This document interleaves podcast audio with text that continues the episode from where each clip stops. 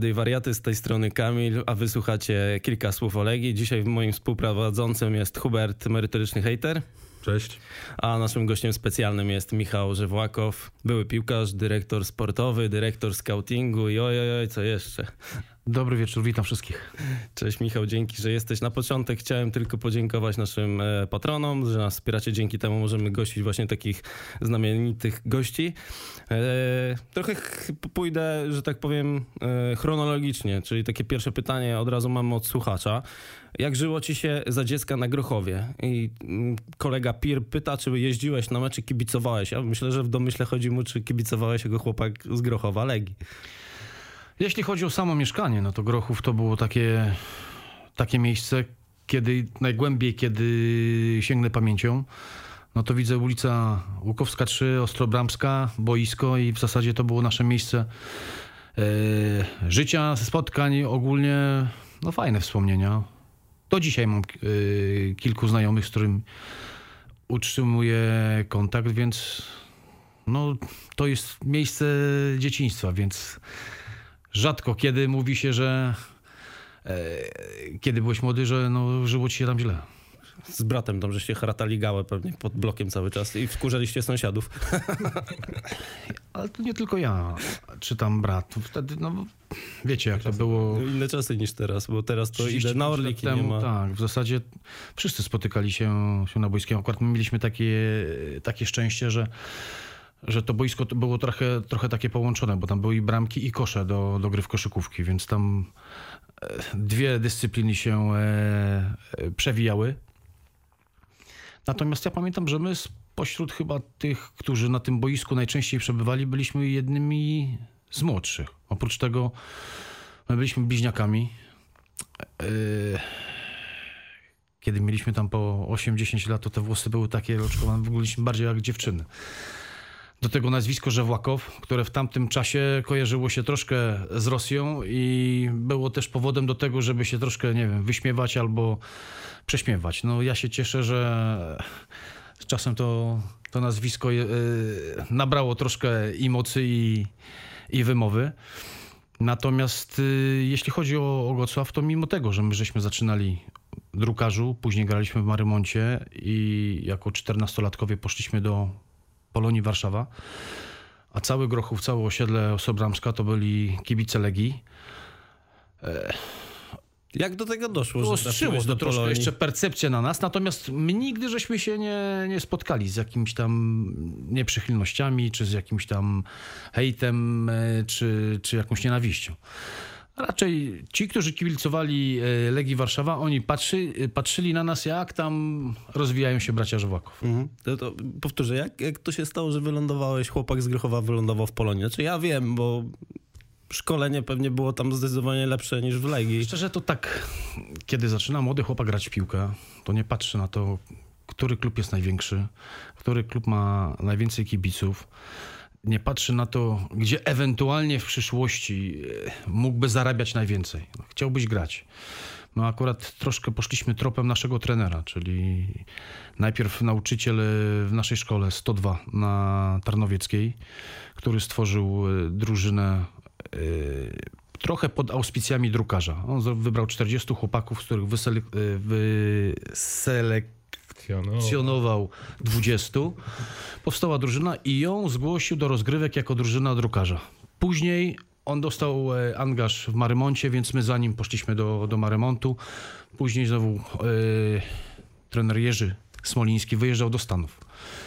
I trzeba było coś zrobić z chłopakami. Akurat y, nami zainteresowała się Polonia, więc no, poszliśmy grać do, do Polonii, żeby się rozwijać. A że ta drużyna okazała się nie tyle najlepsza w Warszawie, co w makroregionie i nawet trafiliśmy do finału Mistrzostw Polski, gdzie Górnik Zabrze okazał się e, lepszy. No ta drużyna Polonii Warszawa to w Warszawie prała wszystkich, no więc dla nas to była tak jakby najlepsza drużyna do rozwoju. Jaki wynik z tym Górnikiem Zabrze? Yy, u siebie 2-2 to jeszcze był stary stadion dziesięciolecia, więc to też dla młodych chłopaków było przeżycie. Co prawda dookoła tam tętniało życie, bo yy, ten bazar był przez cały czas yy, yy, czynny. a na wyjeździe przegraliśmy 1-0, bramkę strzelił Marek Szymoński. Y, Specjalnie to zapytałem, bo byłem pewny, że znasz ten wynik. To jest, pamiętasz takie rzeczy właśnie, a nie, ja już nie pamiętam, jakie były wyniki na Mistrzostwach Świata czy Europy, tam wiesz, dwa lata temu. Ale pamiętam raz, że to był pierwszy y, tak ważny mecz, czy dwumecz y, w naszych głowach, karierach. I to była taka porażka, która naprawdę pierwszy raz mnie dużo kosztowała. Że człowiek tak musiał dochodzić do tego, bo miał wrażenie, że nastawiony był, że wygra Mistrzostwo Polski i ktoś okazał się lepszy, czy tam cwańszy, czy bardziej e, skuteczny. Ale to, to nas bolało. Dobra, przechodząc już trochę do kariery w Legii, jak przychodziłeś e, do, do naszego klubu. Słuchaj, najlepszy, jaki był ten najlepszy moment w Legii jako, jako piłkarz? Taki, wiesz, Liga wyjątkowy. Europy?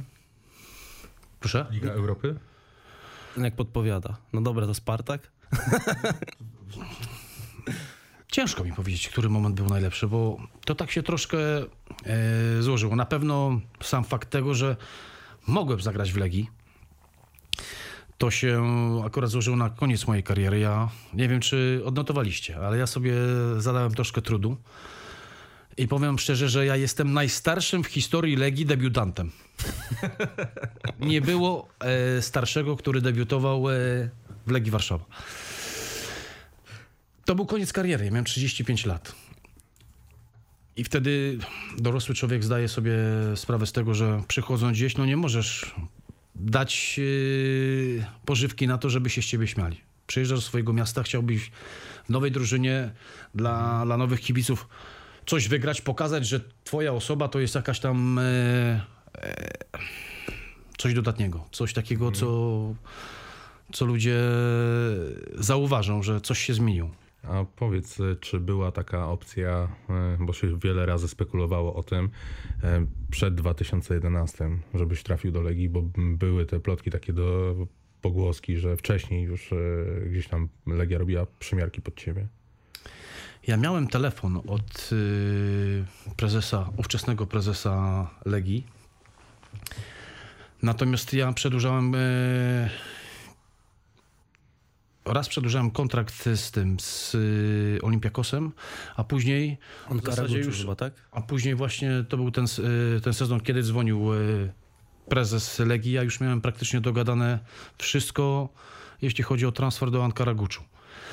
I to tak przyszło w momencie, kiedy żeby zdecydować się pójść do Legii, to musiałbym wszystko po, poodkręcać, więc no troszkę wtedy prezes się spóźnił. Okej. So, Dobra, to trudne pytanie, kolejne będzie. Jakim cudem przegraliście mistrzostwo w 2012?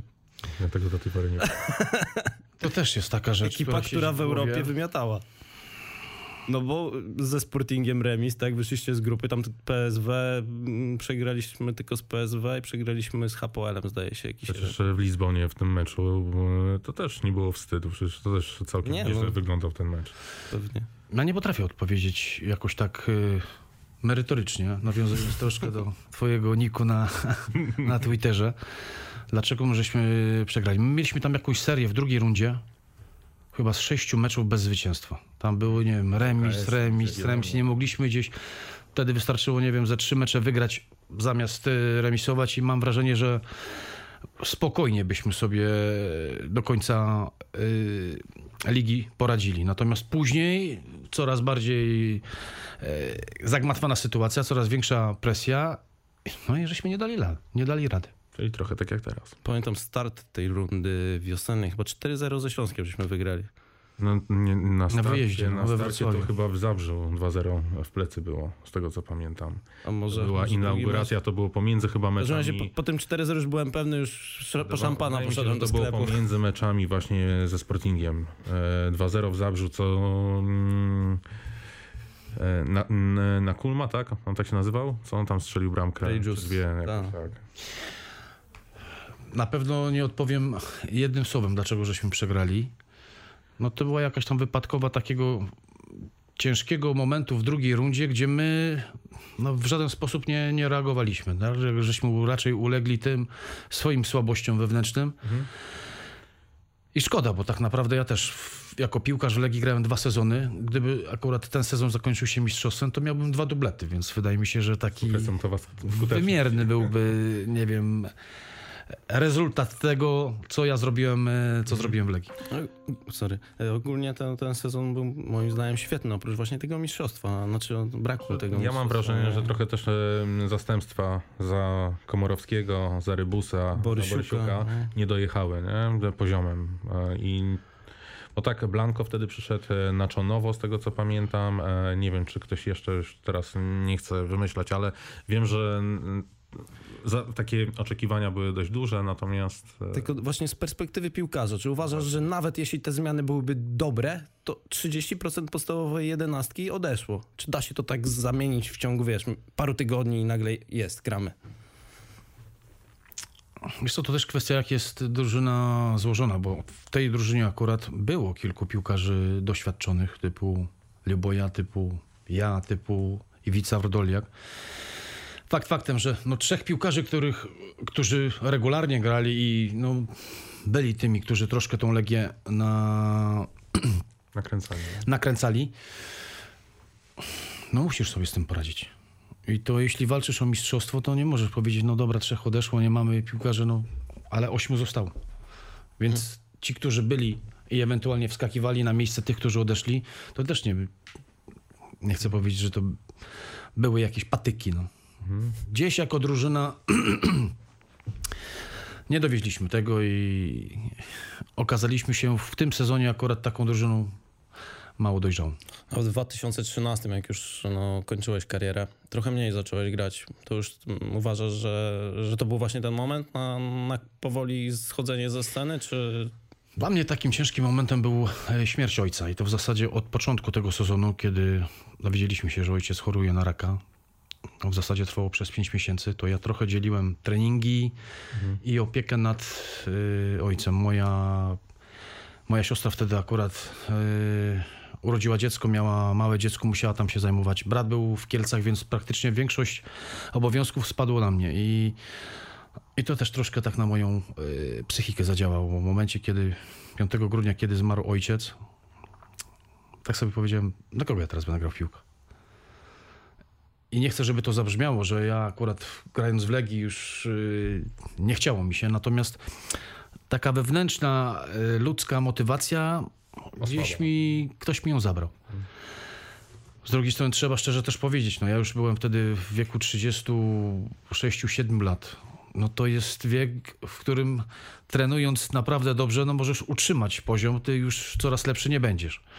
A napierali tacy piłkarze jak e, Jędrzejczyk, jak e, Bereszyński. No i wydaje mi się, że to była tak jakby naturalna kolej rzeczy, kiedy pamiętam pierwszy mecz chyba na Podbeskidziu, kiedy trener Jan Urman wziął mnie na rozmowę przed meczem. Mówi Michał, chciałem, żebyś dzisiaj odpoczął, chcę zagrać e, z Beresiem i, i z Jędzą w środku. Chcę zobaczyć, jak to funkcjonuje. Widziałem, że dla niego też nie było to łatwe, by mi to przekazać, chociaż każda rozmowa z Janem Urbanem była jak rozmowa z, nie wiem, ze starszym e, kolegą albo z przyjacielem. Ja mówię, trenerze, ja to nie lubię robić problemów. Pan robi to, co trzeba, ja jak będzie trzeba, to się zajmę drużyną w, w szatni. On mówi, co i już? Ja mówię, no trenerze, ale co tu ty już gadać? No, tu jest rozkaz i trzeba go wy- wykonać. Ja mówię, ja też nie jestem dzieckiem. Z drugiej strony ja też już czuję, że oni są albo lepsi, albo już wchodzą na taki poziom, że no jak najbardziej naturalne. I pamiętam, że wtedy jeszcze trener do mnie mówi, wiesz co? Dobrze mi się tak z tobą gadał, chodź sobie zapalimy. Zapaliliśmy papieroska, wszystko rozeszło się w zasadzie bez żadnych złych y, emocji. no to właśnie chyba z Urbanem to zawsze szatnia dobrze żyła, nie?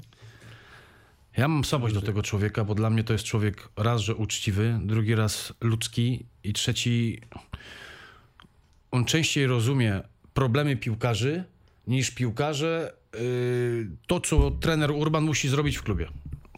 Dlatego dla mnie to jest człowiek naprawdę yy, Trochę tak jak cudowny. Kuba Kosecki powiedział tata. Nie? O.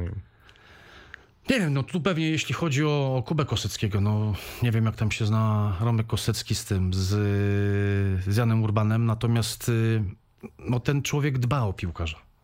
I też patrząc na, czasami na treningi, patrząc na e, Janka Urbana, to miałem wrażenie troszkę, że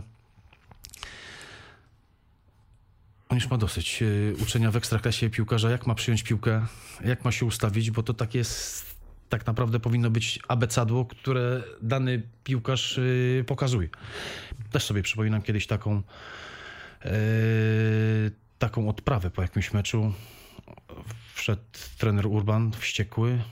No Mówi panowie, ja z wami teraz chciałbym porozmawiać szczerze. I powiem wam, my gramy o Mistrzostwo Polski. Ja patrzę na treningu, jak my wrzucamy, to wiecie co? Jak najlepszą wrzutkę w drużynie ma Tomasz Kiełbowicz i Michał Żewłakow, i to bez względu na to, czy z piłki stojącej, czy z stojącej, mówię do, mówi do młodych chłopaków, gdzie wy jesteście?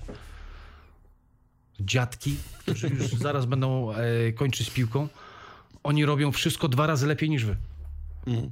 A zobacz teraz, co się dzieje. No to, może lepiej nie.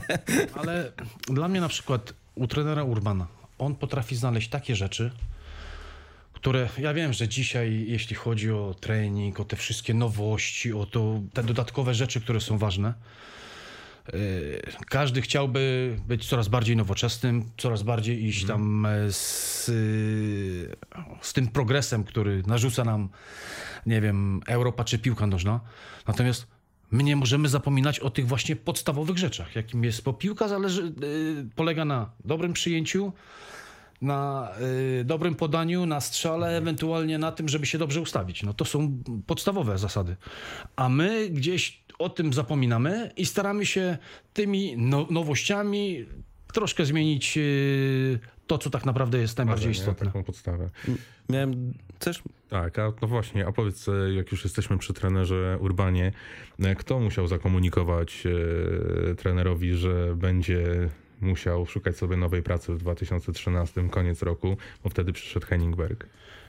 Y, Prezes Leśnodorskiej. To była taka sytuacja, też się wtedy bardzo głupio czułem, bo my byliśmy na Cyprze. To był mecz y, Ligi Europy z Apolonem y, Limassol. My żeśmy go grali w Nikozji. To był ten mecz taki na śniegu chyba, co... Chyba Tomek Brzyski taką piękną bramkę z rzutu wolnego strzelił. To był jedyny mecz, który żeśmy wygrali. Ostatni, który kończył grup, grupowe rozgrywki i ja pamiętam, że przyjechała drużyna i my żeśmy dostali telefon, że my musimy wracać.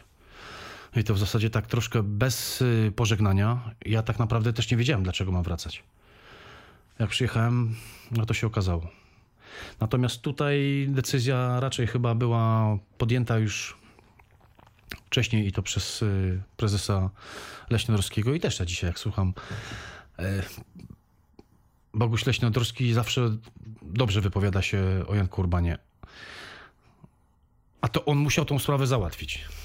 Mówił, że ciężko, że spocony siedział, zdenerwował się. No ale to właśnie o to chodzi, to trzeba mieć To też cojones, była jego, jego pierwsza taka decyzja, bo kiedy przychodził do tego, do, do Legii, kontrakt y, skończył się y, trenerowi Skorży i później zatrudniony został właśnie Jan Urban. Tak, tak. I on e, i Leśnodorski chyba na początku, pod koniec roku tam d- 2012 on przejął właśnie prezesurę i pierwsze okienko takie, gdzie wszedł z buta Bereszyński. Chyba Jodłowiec. 2011, no chyba jakoś tak w grudniu, czy, czy nie wiem, czy w listopadzie przyszedł. do Legii. 2012, bo tam Zygo był e, wcześniej przed nim. E, I potem e, pełniący obowiązki prezesa Piotr Zygo znowu i, i potem właśnie Boguś. I od razu pierwsze ok- okienko, pierwsze okienko było na grubo.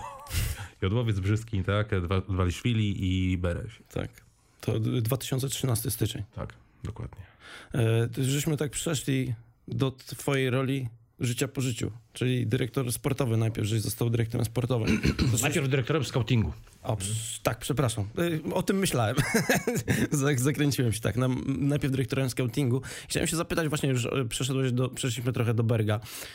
To była decyzja, w której już mm, jakby partycypowałeś, którą gdzieś tam pomagałeś. E, Opiniowałeś.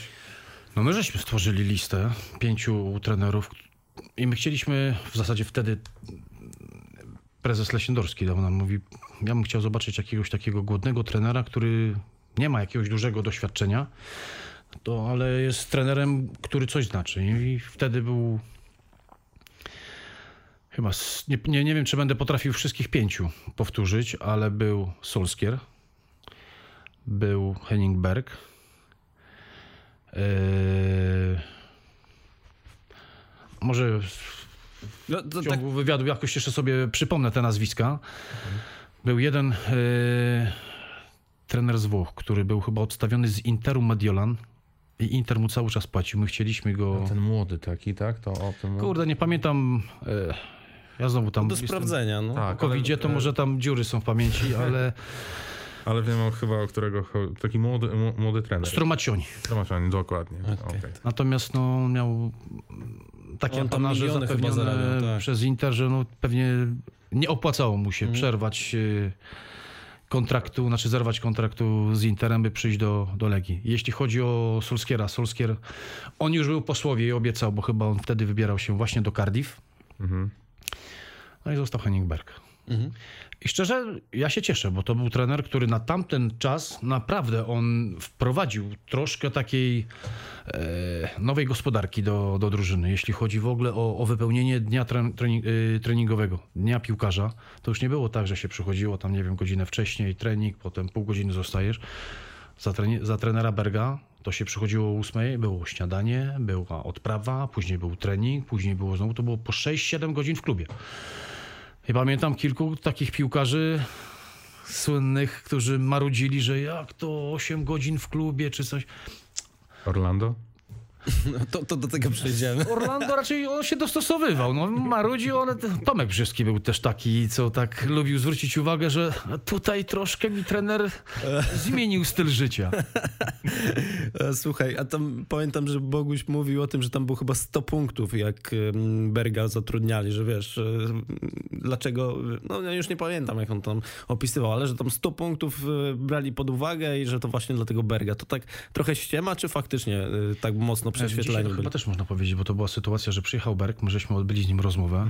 Ona trwała gdzieś tam z godzinę odnośnie tego, jak on widzi to, jakby chciał grać, ewentualnie jego jakieś tam doświadczenia. Pytaliśmy się, co on wie o Legii i tyle. No i daliśmy sobie z dwa dni na to, żeby pomyśleć, przeanalizować i żeby ta decyzja dojrzała. Trener Berg pojechał na lotnisko i, i Boguś mówi, nie, zawijamy go z tego lotniska. Telefon, zablokowany gate, żeby nie wyleciał, przyjeżdżał i do podpisu. Więc to były decyzje, które często zapadały szybko, natomiast to też nie były decyzje, które w ogóle nie były, nie wiem, przemyślane. Ale trochę czutki w tym po prostu było. Tak mi się wydaje, że to może to nie było wszystko podbite statystykami i tymi wszystkimi cyframi, które dają niektórym pewność. Tutaj było też troszkę właśnie takiej Życiowej intuicji, nie? Troszkę. tak, intuicji, no i troszkę pewnie też ryzyka. No. To była chyba jedyna decyzja o zmianie trenera przez ostatnią dekadę przynajmniej, gdzie to nie było tak, że poprzedni trener był totalnie zły, jakiś zaliczył mega w topę, tylko była przemyślana, okej, jest, jest w porządku, ale chcemy coś więcej, tak? Chcemy tą Europę. No przecież to chy- tak to zawsze reagujemy, tylko na zasadzie jest wpadka, to zmieniamy na szybko raz, dwa. No to Urban była taka zostawiał przecież e, w, w, na pierwszym miejscu drużynę w lidze. Także to jak na Legię to było dość niespotykane w późniejszych latach, e, jak była zmiana trenera, żeby właśnie w takich, w takich warunkach. E, Wiecie, inaczej też y, zmienia się osobę czy trenera, do którego oprócz tego, że merytorycznie możemy powiedzieć, no mamy zastrzeżenia, bo liczba punktów się nie zgadza, bo gra jest średnia, ale jak kogoś lubisz jako człowieka, to tak troszkę człowiek broni się. No może damy mu jeszcze szansę, może coś zobaczymy. I tutaj też jest mądrość, że no też nie można popadać w pewnego rodzaju, nie wiem, e, e, emocje, że dlatego, że lubimy tego człowieka, to on dalej będzie odpowiadał za drużynę, która nie jest nasza, tylko jest jakby reprezentacją społeczności w Warszawie. Z Jankiem Urbanem na pewno nie było, nie było łatwo, bo to fajny człowiek, natomiast już przy zwalnianiu trenera Berga, no to ja byłem tym, którym, yy, który z nim rozmawiał. On też na samym początku za bardzo nie rozumiał, więc oprócz tego, co, co wydarzyło się, jak wyglądało to, nie wiem, punktowo, jak wyglądało to, yy, jeśli chodzi o, o drużynę, ja mu powiedziałem jedną rzecz, mówię, Henning, to nie jest kwestia tego, czy ty jesteś dobrym trenerem, czy złym. Bo ty przez okres, kiedy pracowałeś w Legii, mecze z Celticiem, to ty po- pokazałeś, że ty może byłeś najlepszym, który w tym momencie mógłby tutaj coś zrobić. Ale twoja historia, ona powolutku mam wrażenie, że już nie działa. Że to, co miałeś do przekazania, w to już uzbroiłeś piłkarzy, oni potrzebują teraz czegoś innego. Bo ja uważam, że jeśli chodzi o takie efektywne życie, czy piłkarza, czy trenera w klubie, to jest 3 lata. Po trzech latach, jeśli jesteś w stanie zrobić kolejne 3 lata coś, to znaczy, że już jesteś fenomenem, albo jesteś w tym miejscu, w którym. y, Aleksem Fergusonem. Ale to są wyjątki. A taki tryb trzyletni powoduje, że ty zmieniając otoczenie, dostosowujesz się do czegoś innego, masz przed sobą pewnego rodzaju motywację, masz jakieś tam nowe cele i rośniesz. Więc Myślę, że marzyłoby nam się to, żeby mieć trenera na 3 lata i wiesz, i pomysł za 3 lata, że co będzie dalej, nie? tylko dlaczego nie ma? Bo tak naprawdę to jeśli chodzi o polskie kluby, dzisiaj spojrzymy na, na kluby, ja nie wiem, prawdę mówiąc, które są stabilnie finansowo. Podejrzewam, nie wiem, Raków Częstochowa, pewnie Lech Poznań. Nie wiem jak z Pogonią Szczecin, bo oni wychodzili z jakiegoś tam ciężkiej sytuacji, ale widać, że wygląda pozostałe kluby, każdemu coś brakuje. I teraz trener, on ma i, i piłkarze, oni swoim graniem mają robić to, nie żeby drużyna była lepsza, tylko żeby drużyna zarobiła to, by klub mógł spłacić to, co, czego tak naprawdę, znaczy te swoje długi, które ma. I czasami jest coś takiego, że nie zdobędziemy tego, no trener nie jest dobry. Nie. Trener może być dobry, bo drużyna jest coraz lepsza. Może my żeśmy od nich za dużo oczekiwali. I dopóki nie będzie jakiejś takiej stabilizacji, no to takie rzeczy będą się zdarzać. Słuchaj, to do tego Orlandosa, bo Bolek pytał nas o to pod wpisem na Twitterze. Jak właśnie z perspektywy mm, twojej wyglądał ten konflikt między Bergiem a, Orlando? Czy tam szatnia reagowała na mało profesjonalne zachowania Orlando?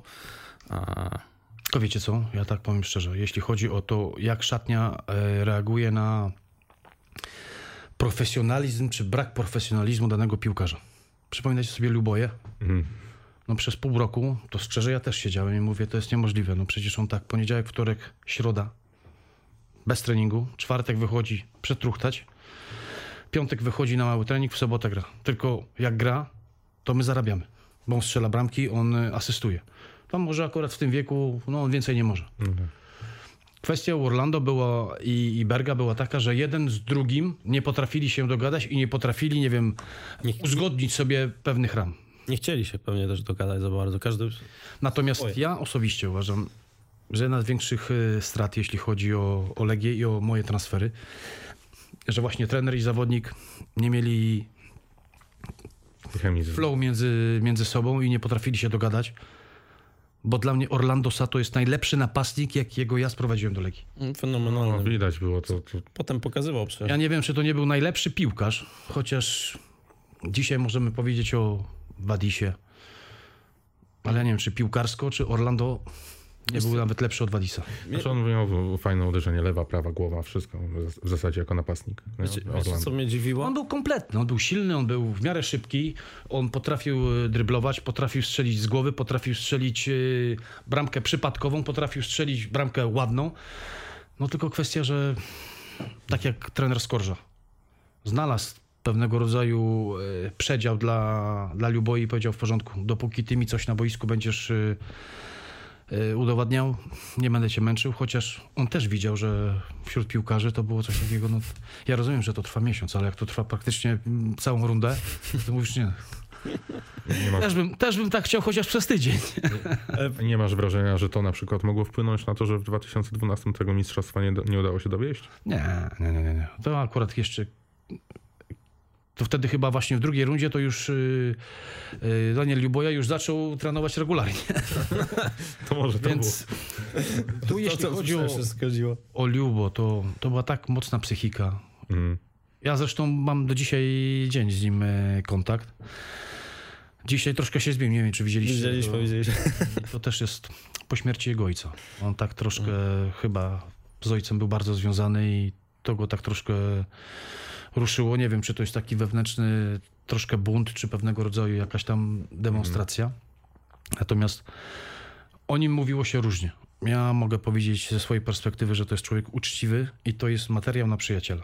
I on może wokół siebie nie ma wielu ludzi, ale jak już ciebie potraktuje, że jesteś tym, to możesz w ciemno oddawać wszystko, co masz, on cię nie oszuka. Nie?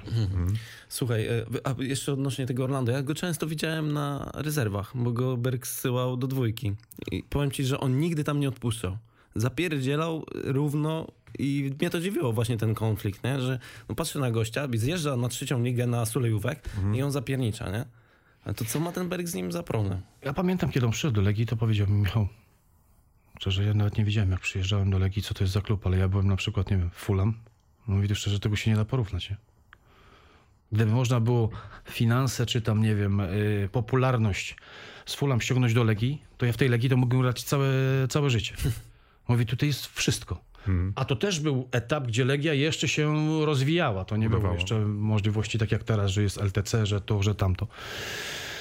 To nie był e, piłkarz, który, któremu nie zależało. Tylko no trochę tak jak ja. Ja też jako, jako piłkarz nigdy nie byłem w stanie poświęcić wszystkiego tylko pod kątem piłki. Dla mnie kariera to było troszkę życia, znaczy w głównej mierze gra w piłkę, ale ta domieszka życia. No, ja nie potrafiłem i gdybym miał dzisiaj żyć, nie wiem, tak jak Robert Lewandowski, to muszę otwarcie powiedzieć, że chyba ja mam za słaby charakter na coś takiego. Może akurat dlatego ja skończyłem na takim poziomie, a Robert jest gdzieś, gdzieś wyżej.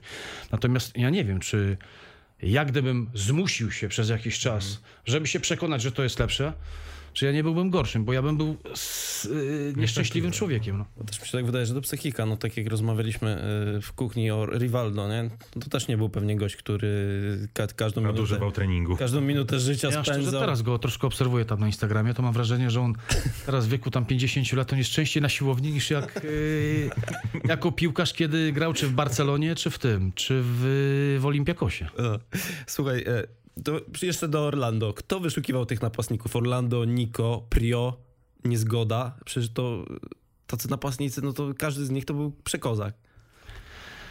Jak byście to zrobili? I oni mniej więcej w To podobnym... właśnie tak trochę działanie tego yy, działu scoutingu. Jeśli chodzi na przykład o niezgodę. Sygnał od y, Radka Kucharskiego i od y, tego, od y, Tomka Kiełbowicza. Później pojechało y, oglądać niezgodę mój brat Marcin, który też tam z nami pracował. No jako napastnik, ja zawsze lubiłem z nim rozmawiać, mówię, powiedz mi, ma coś takiego jak napastnik, czy to jest to, że to po prostu ten poziom jest tak słaby, nie? Czy kiedy pojechaliśmy y, oglądać y, Nikolicia? Jeśli chodzi o Pryjowicza, Pryjowicz był tak... Troszkę nam, nam się to udało, bo to informacja, że on ma problemy w swoim klubie. Kiedy na niego popatrzyliśmy, to nie było tak, że dawaj go od razu. Zastanawialiśmy się, w porządku, zaryzykujemy, zobaczymy, co z tego wyjdzie. Ale Prion, pierwszy sezon, to nie był ten Prio, którego pamiętamy z przed tego czasu odejścia. Jeśli chodzi o Nikolicia, to też kiedyś powiedziałem, na, tego, na ten transfer nie zgadzał się Henning Berg. I ja pomnę kiedyś jednej rzeczy. Chciałem ściągnąć do Legii Maora Meliksona z Valenciennes. On kończył kontrakt jako wolny transfer, chciałem, żeby wszedł. Na to się nie zgodził Henning Berg, argumentując to tym, że za dużo mamy starych piłkarzy w drużynie, to jest kolejny piłkarz y, powyżej 30. Ja wtedy ustąpiłem. Fakt faktem, że po jakimś czasie żałowałem. Wydaje mi się, że to byłby piłkarz, który też by się w Legii odnalazł i dałby Legii coś dobrego. Kiedy przedstawiliśmy Nikolicia yy, trenerowi Bergowi, on powiedział, mam wrażenie, że to jest piłkarz, który na Węgrzech będzie strzelał bramki, natomiast Liga Polska jest cięższa. I tu może być problem. I ja wtedy powiedziałem do Busia, Boguś, ja go chcę i ja go chcę zrobić. Boguś mówi, jak chcesz, no to, to zrób. No, no i zrobiłem. I pamiętam pierwsze zgrupowanie, kiedy Niko wszedł do drużyny, pierwszy sparring bez gola, drugi bez gola, trzeci chyba mecz, pamiętacie taki mecz był chyba sparring z Dynamem Kijów, w którym już nie zagrał Andrzej Duda. Tam był chyba prawie klepnięty transfer do Interu Tak było. który następnego dnia nie wypalił. Kolejny mecz, Niko bez gola.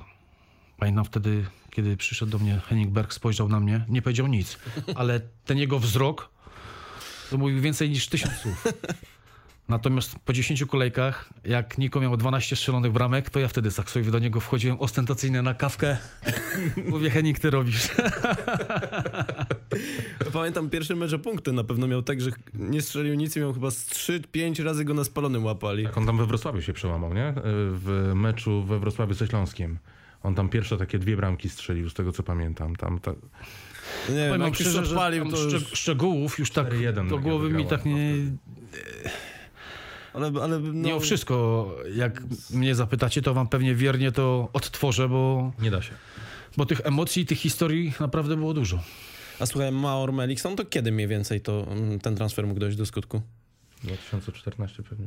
Eee, już kurde, też mi te sezony się... 15-16 to już był ten e, sezon, w którym przyszedł e, Stasiek. Kogo, ewen- może wie pamiętasz, kogo miał zastąpić? Czy taki dodatek? Nie, to, był, to miał być e, zawodnik, który miał tam w linii środkowej. Mauer Melikson mógł grać i w środku, i z boku i tak naprawdę jakbyś go wystawił pewnie do takiego fałszywego napastnika, to też by sobie Taka dał radę. No, wersja taki, Lukniasza. trochę tak. Okej. E, Słuchaj, Duda, to był mega transfer, ale coś stało w pewnym momencie, że ten chłopak, no gdzieś się zaczął gubić. To po tej kontuzji to był taki problem, czy, Nie, czy ja ten myślę, że to właśnie troszkę takie rozczarowania dla młodego chłopaka. E, Kwestia transferu. Z Legii idziesz do, Manchester, do, do Interu Mediolan.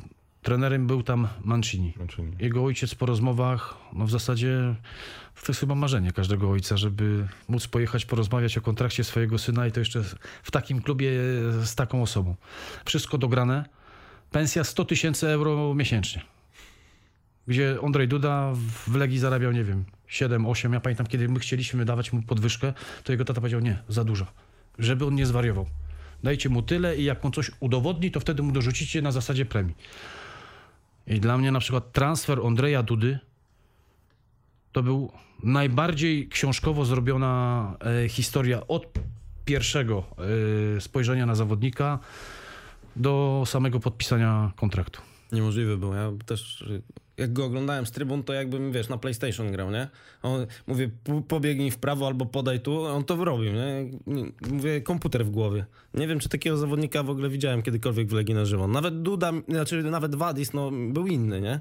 A ten miał jakieś takie zaprogramowane te rzeczy, duż straszny, strasznie był kotem. No jak był w formie, to inteligencja wojskowa bardzo duża. Tu pewnie można byłoby się tam troszkę czepiać, nie wiem, fizyczności czy tam szybkości, natomiast pewien pomysł, błyskotliwość, technika, no to akurat to były takie rzeczy, No i tak. na którą... Na Trafił wkręcić nieraz e, Swoją obrońcę, wartość Buda. balansem ciała, po prostu gubił. Pięknie to robił. Wracając jeszcze na przykład do Berga i do Orlandosa. Sytuacja... Ja tego nie rozumiem i to mnie troszkę u trenera Berga denerwowało. Jedziemy na mecz Ligi Europy. Na ten mecz przyjeżdża asystent y, pierwszego y, trenera reprezentacji Portugalii. No oni akurat jeśli chodzi o Portugalię mieli problem z napastnikami. Orlando był w szerokiej tam kadrze, nie wiem, 30 ludzi, potem ona tam sukcesywnie jest zmniejszona do, do 20. Przyjeżdża trener, a trener Berg sadza go na ławie. Albo on nie wychodzi, albo wchodzi na dwie minuty. Ja mówię, któregoś dnia pamiętam, przyszedłem, mówię, Henning, wiesz co, jeśli ty go nie chcesz, to wystaw go dwa, trzy razy, jak on się pokaże, to ty go nie będziesz miał, a my zarobimy. Bo my żeśmy go wzięli, no głównie po to, żeby zarabiać. To nie jest piłkarz, który tu zostanie nie wiadomo ile. No nie wiem, co było w głowie Henninga Berga, ale no do Orlando nie mógł się w ogóle e, przekonać. No, do, do, Tak jak był zakochany w, Or- w Dudzie, tak y, jeśli chodzi o Orlando, No, czasami takie jest, że charaktery. tak zakochany jak ja w nim Henning nie był. No to dobrze, że przy, tym, przy tej decyzji Berga jesteśmy, bo właśnie Stanko pyta między innymi o drugą taką kontrowersyjną decyzję Berga, czyli kulisy odejścia Radowicia. Eee, I między innymi właśnie to, dlaczego nie wystawił go w, w meczu e, wtedy z, Z Ajaxem. Z Ajaxem. z Ajaxem. No. No, trener doszedł do wniosku, że jeżeli to jest zawodnik, który odchodzi, no to nie wiadomo, czy on zagra, czy odniesie kontuzji, albo czy on będzie tak zmotywowany jak y, ten, który w tym klubie pozostanie na dłużej. Więc z tego, był ta, z tego był ten cały zamęt i jego absencja w meczu. Natomiast jeśli chodzi o sam transfer y, y, Rado, to zawsze jest tak, że jak piłkarz chce odejść, no nie jesteś w stanie tego przerwać. No. Bo jak będziesz go zmuszał, żeby on zostawał w klubie czy coś, a on potem przez jakiś czas ma ci wypominać, że to była jego życiowa szansa i tak naprawdę on tyle czasu w tej Legii grał, zrobił, zrobił co mógł, a my żeśmy zabrali mu jedyną możliwość na to, żeby on zarobił większe pieniądze. No, tym bardziej dla, dla klubu. Wtedy to też był jakiś tam zastrzyk gotówki. No bo to, co powiedziałem na początku odnośnie tego, jak kluby trochę funkcjonują. Dużo Wtedy Legia ciągle spłacała dług wobec ATI, ITI i trzeba było troszkę tej kasy sobie... No tak jak zorganizować. już kiedyś powiedziałeś, tak pamiętamy.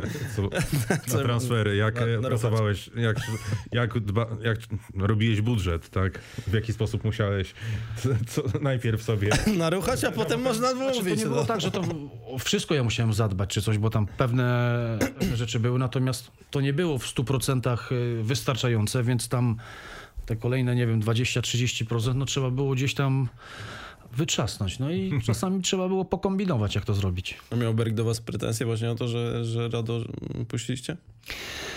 Miał, bo tak każdy trener raczej budując drużynę, to te klocki, które już dobrze funkcjonują, które są tak jakby fundamentem, no ich się nie rusza. A tutaj trzeba było spłacać te, te pieniądze. Ja mam wrażenie, że trener Berg, on chciał sobie stworzyć taką drużynę i on tworzył ten y, proces i budował tą drużynę. No tylko nieświadomy był, że on co jakiś czas to któryś piłkarzy i tak straci. Nie dlatego, że to tylko klub chciał ich sprzedać. No, piłkarz też chce iść grać do lepszej drużyny, czy tam do, do lepszej ligi, grać za, za większe pieniądze, grać na większych stadionach. No, ja to czasami się troszkę dziwiłem, że no, trener Berg też był piłkarzem. Więc pewnych rzeczy jemu już nie trzeba było tłumaczyć. A on tak jakby, nie wiem, sobie troszkę zafiksował w głowie, że on jest tak jak Alex Ferguson w Manchesterze i to, co już funkcjonuje, to trzeba zapłacić, żeby oni zostali, a ewentualnie będziemy sobie dobierać te elementy, które nie, nie funkcjonują. No, na tamten czas w Legii tak kolorowo nie było. Dobra, to tłumacz się, dlaczego Masłowskiego wziąłeś za Radowicia. No bo ja jako, y, nie wiem, ten, który opiniował piłkarzy, no to w tamtym czasie dla mnie Masłowski to był naprawdę wiodący piłkarz w Ekstraklasie. I ja, to jest piłkarz, na którym się najbardziej oszukałem, albo na którym się najmniej poznałem, bo jeśli chodzi o umiejętności, to mam wrażenie, że on miał podobne do Andrzeja Dudy. Natomiast psychiki, tego żeśmy nie sprawdzili. To nie jest psychika na duży klub. Mhm. A mm, właśnie, bo Czyli jeszcze... to, to był taki najgorszy transfer według ciebie, jaki zrobiłeś? No patrząc na, wiesz, jak przychodzi za, zawodnik za darmo i zarabia, nie wiem, 20-30 tysięcy złotych w porównaniu do, do tych, co zarabiają po 80 czy po 100, no to jeszcze możesz powiedzieć w porządku. Finansowo tu żeśmy nie przyszli, natomiast to było chyba, nie wiem, 700 czy 800 tysięcy euro. Mhm. To w tamtym czasie to był jeden z większych w ogóle transferów w historii Legii. Tam chyba wcześniej to był W Rydoliach chyba tylko. jak chyba milion, więc no dla mnie to, to nie było takie, że troszkę przestrzeliłem, tylko ja strzeliłem w ogóle w drugą stronę, jeśli chodzi o, o finanse. Natomiast no, są takie sytuacje, w to których Ja na w przykład... danym klubie Nie ma, nie ma osoby, która się nie myli. No. Czy y, Monchi w Sewilli też robi dobre i złe transfery. No. No, No to już mówimy troszkę o, o ludziach, którzy gdzieś tam przez 20 lat, czy tam przez 30 lat yy, piastują pewne funkcje. My musimy pamiętać, że ja jako dyrektor sportowy to zacząłem pracować jako piłkarz, który zszedł z boiska i przyszedł do klubu. I szczerze, ja dzisiaj patrzę, że ta moja decyzja i taka odwaga, żeby podjąć tą, e, tą pracę, to też troszkę podyktowana była nieświadomością. Bo ja nie, nie byłem świadom, że ja jestem dyrektorem tak wielkiego klubu i ja o tym nie myślałem. Ja dopiero później, po roku, po dwóch, jak sobie siedziałem i mówię, kurde, tutaj trzeba napastnika. To już nie chodzi o to, że to jest, nie wiem, drużyna, że tam prezes będzie miał pretensje. Mówię, tu ludzi trzeba, e, nie wiem, nie można ich oszukać i trzeba ich rozpieścić.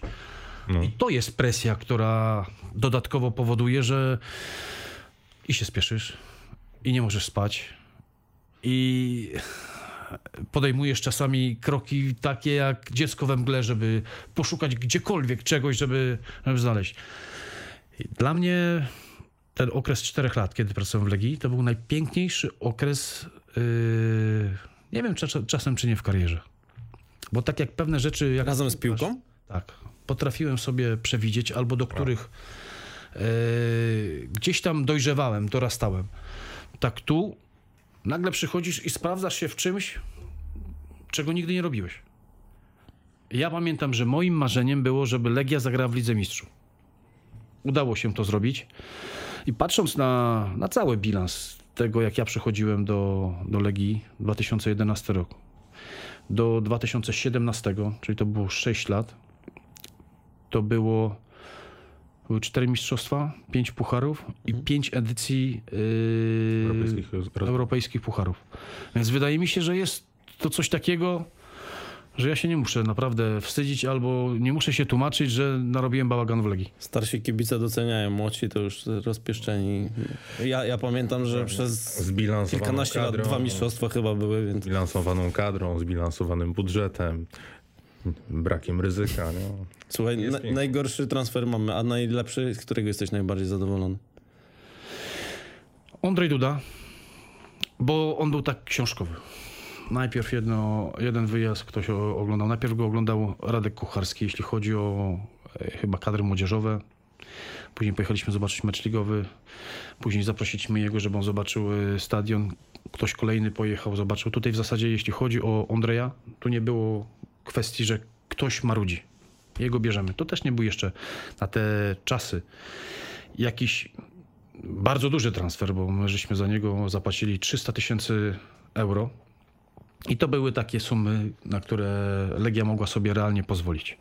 To też taka ciekawostka, bo oni chcieli chyba za niego 700 tysięcy, argumentując, to, że mają propozycję tam gdzieś tam z Francji, jeszcze z Holandii i tyle. Przeczekaliśmy, bo to się praktycznie ciągnęło do ostatniego y, dnia okienka transferowego. I my żeśmy powiedzieli, wiecie co, 300 tysięcy i damy wam 20% z przyszłego transferu. Nie, tak, 20% z przyszłego transferu. Nie, nie ma szansy i my chcemy 700 tysięcy. Ja mówię, wiecie co, ale to, to, że wy chcecie 700 tysięcy, no to to nie jest tak, że nagle przyjdzie klub, położy wam 700, dajcie chłopaka. My możemy wam yy, zorganizować taką transakcję, że te 700 będziecie mieli, ale na przykład w przeciągu, nie wiem, dwóch lat. Niech on przyjdzie do naszego klubu, niech on pogra w pucharach, jak my go sprzedamy. Oni nie chcieli. W końcu chyba tam wszystko im się wypaliło i cierpliwość też się skończyła. Ostatniego dnia się zgodzili. Andrzej Duda po chyba dwóch i pół, yy, dwu i półrocznym okresie gry w Legii odszedł do Herty za 4,2 miliona euro. Czyli te 20% to było 840 tysięcy więcej niż te 360 i tak naprawdę więcej niż to, co oni chcieli. Natomiast jeśli chodzi tam o, o jakieś tam procenty czy coś, to też ten klub yy, w Koszycach był tak dziwny, że ja nie wiem, czy oni tymi procentami to coś nie zrobili, czy coś, żeby wyciągać pieniądze. E, Suma summarum, 300 tysięcy plus, nie wiem, 820 jako 20%, to masz praktycznie milion euro. I to jest taka transakcja, gdzie klub, który daje ci piłkarza, jest zadowolony. Piłkarz, który przychodzi do nas, jest zadowolony. E, klub, który go kupił, też był wtedy zadowolony. Oni go kupili po Mistrzostwach Świata w dobrym wieku. Chłopak na taką pozycję, wydaje mi się też, jak na warunki e, niemieckie, to chociaż wtedy to chyba był trzeci czy tam czwarty co do wielkości transfer w ogóle w historii Herty. Ale typowa sytuacja win-win. A najbardziej, co się, co mnie cieszyło, ja pamiętam, kiedy żeśmy rozmawiali z ojcem Andrzeja Dudy. I tak naprawdę ojciec uwierzył mi i Dominikowi, że on przychodząc do Legii, on nie zrobi złego kroku, że my będziemy o niego dbać, że to jest ta drużyna. Jak odchodził do Herty Berlin, to przyszedł ojciec i powiedział, wiesz co, to co żeś powiedział na samym początku, to się wszystko sprawdziło. I dla mnie, jako człowieka, któremu trzeba gdzieś tam zaufać, pewne rzeczy powierzyć, to była najlepsza premia. No. No, to pewnie. A jak, jak wyglądała ta twoja współpraca z Dominikiem Ebebenge? E, jak, jaki był podział obowiązków? Jakie właśnie re, relacje wasze były? Ja dzisiaj to mogę powiedzieć. No, ja to z Dominikiem żyłem w lepszej komitywinie ze swoim rodzonym bratem, chociaż żeśmy byli praktycznie w tym samym biurze. No. Tak naprawdę wtedy się wszyscy śmieli, że moim e, bratem jest Dominik, a nie Marcin. Z Dominikiem no, to była pełna otwartość, pełne zaufanie. Dominik był osobą, która zawsze od takich y, spraw, nie wiem, technicznych, logistycznych, jeśli chodzi może o stricte wybieranie piłkarzy, to on się nigdzie tam nie pchał. Ale kiedy dostawał sygnał, coś fajnego, albo kiedy sam zauważył, mówi, popatrzmy, nie? I no to był człowiek, który organizował nam, jeśli chodzi o te wyjazdy scoutingowe, czy tam, nie wiem, kontakt do kogoś. On potrafił, on dotarł nawet do sera Alexa Fergusona, żeby wypowiedzieć kilka A, no, słów, no, kiedy trener Berga. e, Henning Berg podpisywał kontrakt, więc no osoba, wydaje mi się, w takiej organizacji jak klub jest niezbędna. No dobra, to jeszcze znowu wrzucę bombę. Yy, po co był ten deal z Flumineze? To było coś takiego, żeby spróbować, żeby zobaczyć. To też był moment, kiedy my szukaliśmy jakiegoś tam e, sposobu na to, żeby troszkę rzucić macki dalej. Przy okazji chyba tego turnieju, który był organizowany na początku sezonu prze, przez Legię, co prawda tam chyba się ze trzy razy odbył się chyba ten turniej, później troszkę zaniechano tego. Akurat y, ludzie z Fluminense przyjechali do Warszawy, no i Mówimy, spróbujmy, to nic nie kosztuje. W zasadzie to nie była jakaś tam e, sprawa, gdzie my musimy im zapłacić, żeby korzystać e, z ich dobrodziejstv. Po dwóch, trzech latach okazało się, że jednak nie jest to takie proste. Jednak Brazylia i Polska, czy tam Warszawa, Fluminense i, i Legia, to są troszkę kulturowo dwa różne kluby przez dwa lata gdzieś tam trzeba było pewnie dojść do tej decyzji. No nie był to strzał w dziesiątkę, ale to też nie była rzecz, która, nie wiem, uciążała, e, ciążyła Legii Warszawa. Mm, A ile jest w tym prawdy, że Pablo Diego widział trochę gorzej na jedno oko? Powiem szczerze, no pewnie jest w tym prawdy, skoro tak naprawdę było. Natomiast to też nie była taka, taka wada, że on nie widział na oko. A podejrzewam, że dzisiaj to... Pod, on po, pod pewnym kątem nie widział, bo czasami, e, bo zlecili badania z tego, co ja słyszałem, w momencie, gdy szły do środkowania, Aha. e, z konkretnego jakiegoś tam kąta i często trafiały, trafiały go, bo on nie, nie wyłapywał, że leci piłka. I oni e, zorientował się ktoś, że coś jest nie tak.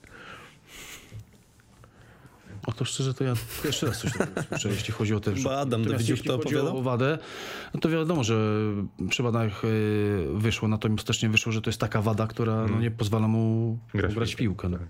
No Słuchaj, to było tak, że wy dostawaliście takich piłkarzy, jakich chcieliście od nich? Nie, Czy... to żeśmy polecieli wtedy do Brazylii i akurat z tych, których można było, my żeśmy wybrali jednego, który przyjedzie do nas i na niego miał popatrzeć y, trener. W zasadzie to trener Berg tam powiedział, że on został tydzień, mówi, a wiecie co, zostawcie go jeszcze na tydzień. Bo ja coś w nim widzę, ale ja się muszę przekonać. Diego, tak? Tak. Wcześniej był chyba on- jeszcze Augusto, no i Ronan później. Ronan, tak, tak. Ten Ronan wydawał się taki ciekawy, on w jakimś sparingu z nami wyglądał nieźle, czy tam właśnie w tych... No, W tym, w tym turnieju właśnie. Tak, tak. No ogólnie rzecz biorąc, mam wrażenie, jeżeli w klubie ktoś się nastawia na taką dłuższą, terminową e, współpracę z jakimś klubem, to taka prawda jest, że jak sobie wychowasz piłkarza, no to będzie u ciebie grał. A tak, żeby brać z jakiegoś klubu, to prędzej czy później albo ci go zabiorą, albo, albo on i tak on odejdzie. Słuchaj, no, przejdźmy do...